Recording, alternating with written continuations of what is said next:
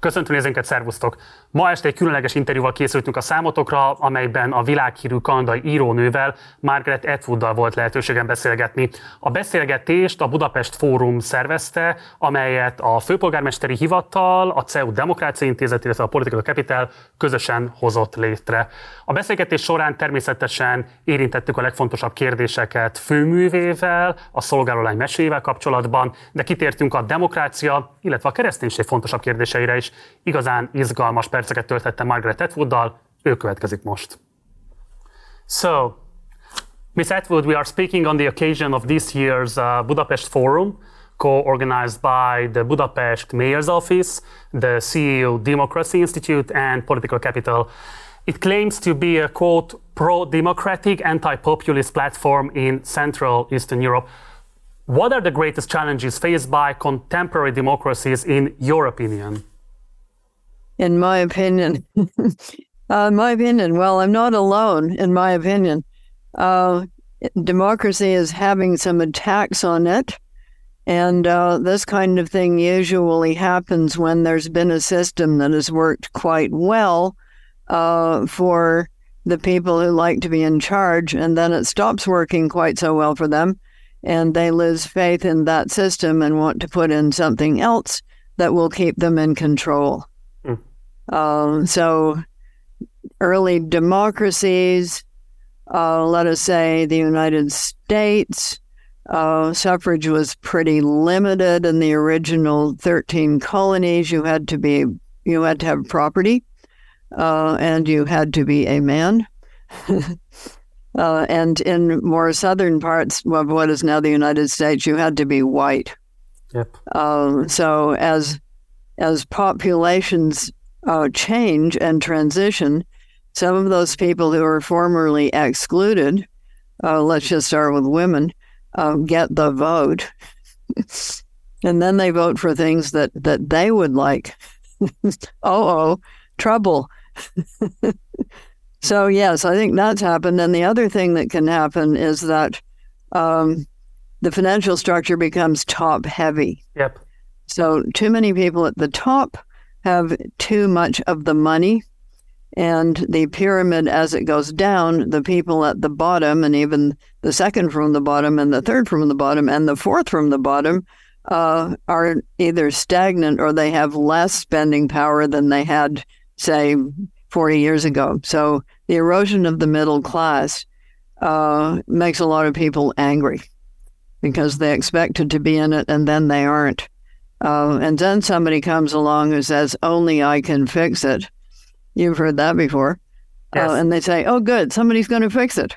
So they vote for an autocrat who really is working just for the rich people.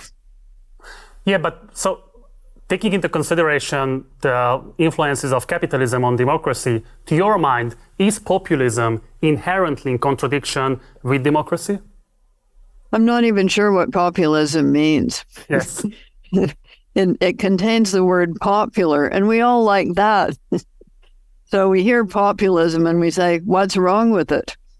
Uh, and it's related to the word population and aren't we supposed to be fa- in favor of the citizens and all of this kind of thing um, but I, I, think we need a different word uh, to describe what is happening because it is not um, okay so so what what political science mean, scientists mean by it is uh, an, an underclass rising up and and uh, being easily deceived and voting for things that they're told are going to benefit them, but they don't.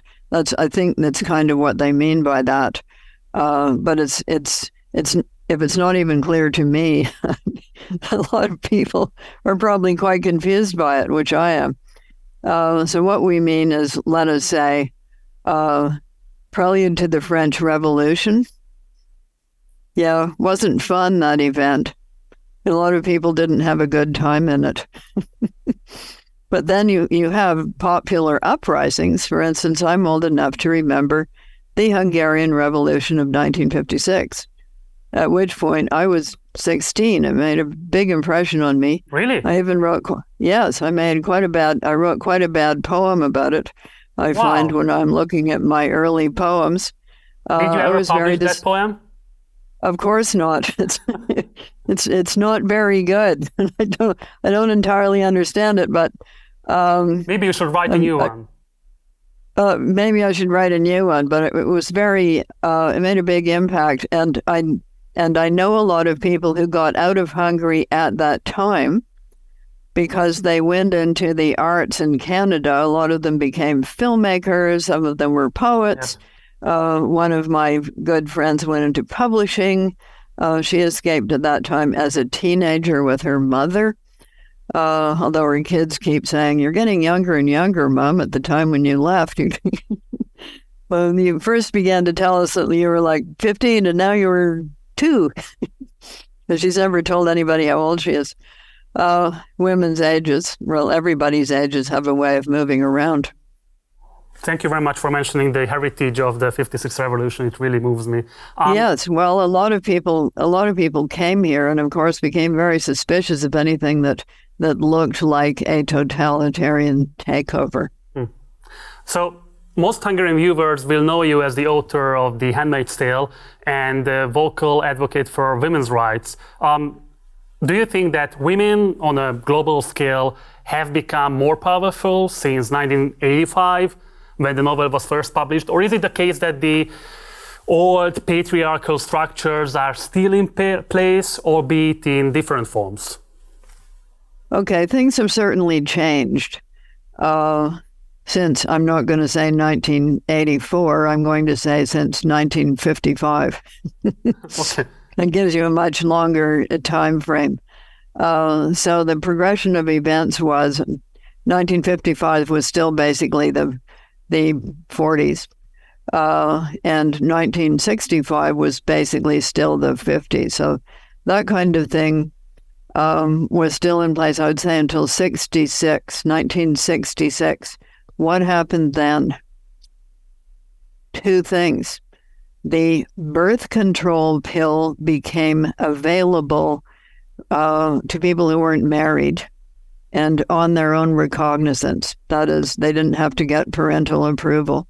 Okay. Um, so the birth control pill, although it made some people have strokes, um, gave you double vision. Uh, they hadn't perfected it. Let's put it that way. It became widely widely available. The '60s at that point turned into the '60s, not the '50s anymore. And the second thing that happened, and you will think this is funny. Uh, so, stockings for women used to come in pairs. They didn't have this joined thing that we call pantyhose or um, or tights or whatever you may call them. Those didn't exist. And in the middle of the 60s, they became available. Hmm. And what did that enable? It enabled the mini skirt. Okay. So you have you have you think about it. Don't think about it. Uh, you had the you had the pill and the mini skirt, which gave you together the late '60s and the so-called sexual revolution, and that then coincided almost immediately with second wave women's movement becoming public and widely uh, known about. It hit the media, in other words. Okay. So the 70s was a decade in which there were a lot of law changes. A lot of changes happened to the law. You could get a credit card without your husband's permission, just for instance. Um, ownership of property yes. changed. Yeah, a lot, a lot more independent things like that. And then in 80, 1980, Ronald Reagan gets elected, and there is a pushback and that pushback cont- has continued really until now. Mm. Uh, so that's when the religious right became organized as a political force in the United States. And that is when I started writing The Handmaid's Tale. Because if you had any knowledge of American uh, history and politics over the years, you could see where this was going. Wow. Wow. Okay, let's talk about the like Handmaid's Tale because it is one of the most uh, frequently banned books in the world. Congratulations on that. Although in Hungary we have not reached such a point. Uh, however, a couple of weeks ago, a bookstore was fined for distributing so-called pro-LGBT propaganda. Since then, bookstores uh, have begun to wrap up pro-LGBT works so that young people cannot read them in store before purchasing. okay, really this is back to the, old days of yeah, it's the old days of pornography. That's what they used to do to pornography. Yeah, something like that. But uh, do you think that book banning and the like is merely a culture war tactic, or is it about something more? Oh, it's about controlling who can say what. Okay. And uh, let us say that this can happen on both sides of the political spectrum, just depending on who is in power at the time. Mm-hmm. Um, so there was a lot of censorship under the former Soviet Union, as we know. Uh, and we know that people were smuggling out their samizdat works and they would get published in the West, or you would go to a place like Poland and people would say, Do you want to read some samizdat? You know, we've got some under the counter. But so things were circulating, but not publicly. Mm-hmm. Uh, because authoritarian regimes want to control who is saying what. So, who is allowed to say what, who is permitted to say what, what can be said. In the Victorian age, it was about sex. so that's why the artists, you know, were, you know, strike a blow for freedom, publish Lady Chatterley's Lover, mm. like that, or say Tropic of Cancer, or, you know, something with sex in it. Um, it's not that Victorian literature didn't have sex in it, but it was yeah. it was all happening in the shrubbery. Yep. Like you weren't if you were a teenager, you could get quite confused by that, which I was. What just happened? I don't know. Something happened. Um, like that. So so the big push was to was to get sex on the page. So they did that with kind of mixed results. All of these things have mixed results. Um, and and swearing. What what kind of swearing you can have? Big fights over that, and and now we just have wall to wall swearing. It's getting very boring, quite frankly. It, people used to be more inventive about their swearing. And by the way, I'm told that Hungarian has the biggest vocabulary of swear words in the world. Yeah, that's by those fame. who know. Is that true? I cannot confirm that, but yeah, there's sure. But you think that, so? Yes. Yeah. Yes, I I try to get my friends to translate some of these things for me, and they really sound quite complex. Yes, a lot of them involve horses and the plague. I'm told. Is that true? yeah, I I, I can is. confirm that. Yeah, yeah. oh, thank you. Well, they're not lying to me anyway. Um, yeah. So so then it has switched, and um, and you can do all this swearing and and sex but there are a lot of other things that apparently you have become uh, forbidden. Hmm. Uh, and once you start, you know, once you start forbidding, it just becomes a question of of who can forbid what. So it's not a question of nobody forbids anything. There, somebody's always forbidding something. Hmm. Uh, and then it becomes a question of how much state power is involved. Wow. Because once state power is involved, there's a political agenda, not just a politeness agenda. Uh, polite people don't say that. It's, it goes way beyond that uh, and into the area where you can uh, destroy your political opponents by accusing them of having said the wrong thing. Hmm. Okay. And a lot of that was going on during the Stalin purges. Uh, if you look at the of films of the show trials, a lot of people didn't even know what they were supposed to have done. Yep.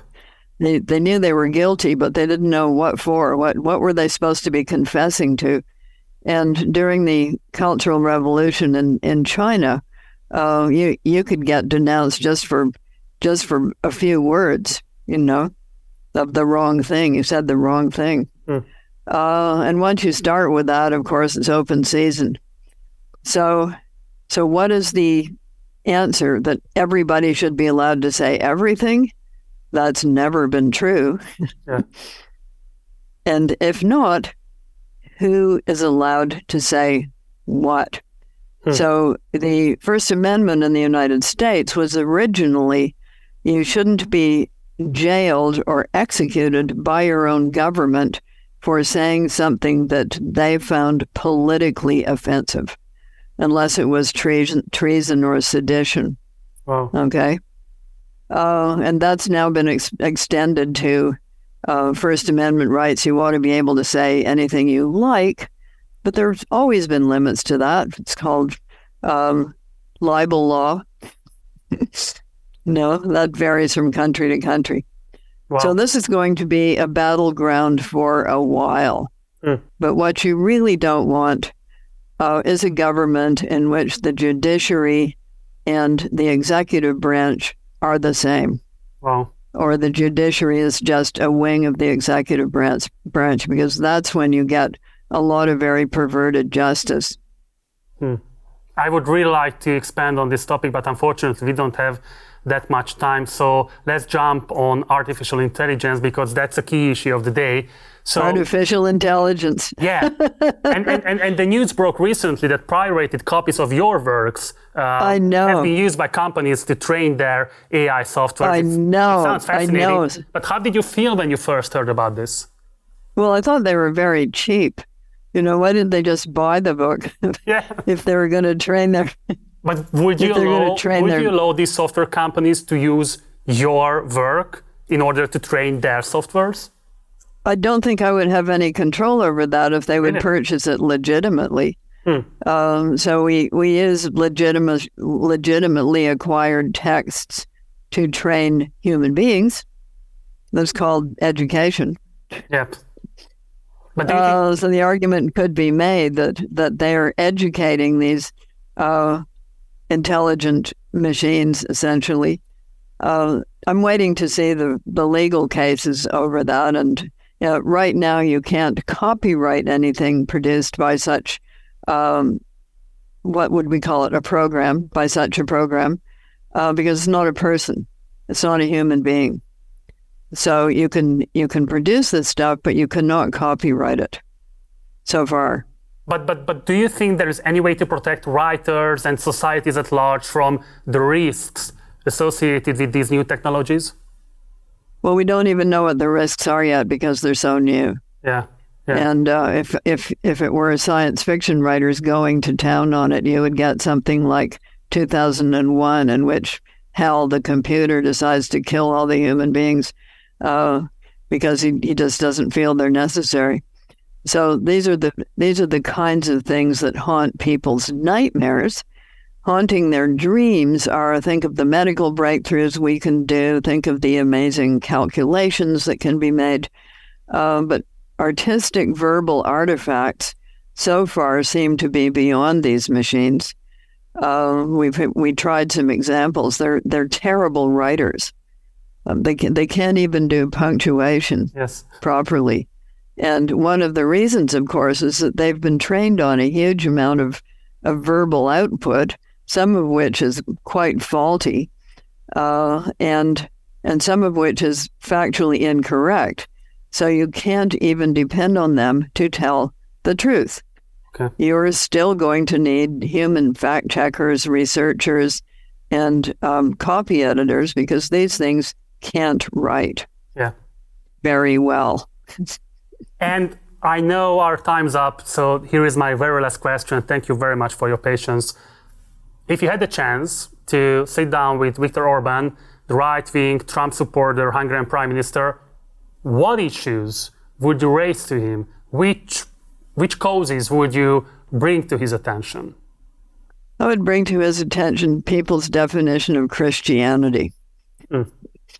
And there's a new book coming out on that by um, Jim Jim Wallis. I'm going to be tweeting about it probably today. Jim Wallis, uh, and he is he is associ- was associated for years with a movement called Sojourners in the United States, which is a Christian organization, and he is standing up for the fact that a lot of these people who say that they're they're talking, you know, renewal of Christianity, um, are not Christian. Uh, they they aren't paying any attention whatsoever to the supposed core belief Hmm. of Christianity, including the key statements of um, Christ Himself, and that would include loving your neighbor and doing unto others as you would wish them to do unto you. Um, You know, just just essential golden rule things like that. Uh, Lord's prayer stuff. They're not paying any attention to that. Um, so it's it's Christianity without Christ, uh, which isn't Christianity. Hmm. And we could go on for some time about that, but I'd be willing to take him on on that one. Okay. You know, if you're not loving your neighbor, whoever that neighbor may be, you are not following the teachings of Christ himself. And I proposed to him the parable of the Good Samaritan. That's a good place to start. Absolutely. Sharp and strong words. Thank you very much, Margaret Atwood, for your time, and thank you very much for joining us. Take care. Thank you. I, I hope I didn't get you into too much trouble. Absolutely not. No, I loved I didn't. this conversation with you. Thank you very much for the chance. Okay. Thank you. Take Bye-bye. care. Ez volt a beszélgetésem Margaret Atwooddal, remélem ti is legalább annyira élveztétek, mint én. Ha még nem iratkoztatok volna fel a csatornára, kérlek, hogy mindenképpen tegyétek meg. Ha pedig lehetőségetekben, akkor kérlek, hogy szálljatok be a finanszírozásunkba. Ehhez minden információt megtaláltok a leírásban. Ha van bármilyen visszajelzésetek az elhangzottakkal kapcsolatban, akkor várok benneteket a komment szekcióban. Egyébként meg köszönöm a figyelmeteket munkatársaim nevében. Hamarosan találkozunk. Addig is, ciao.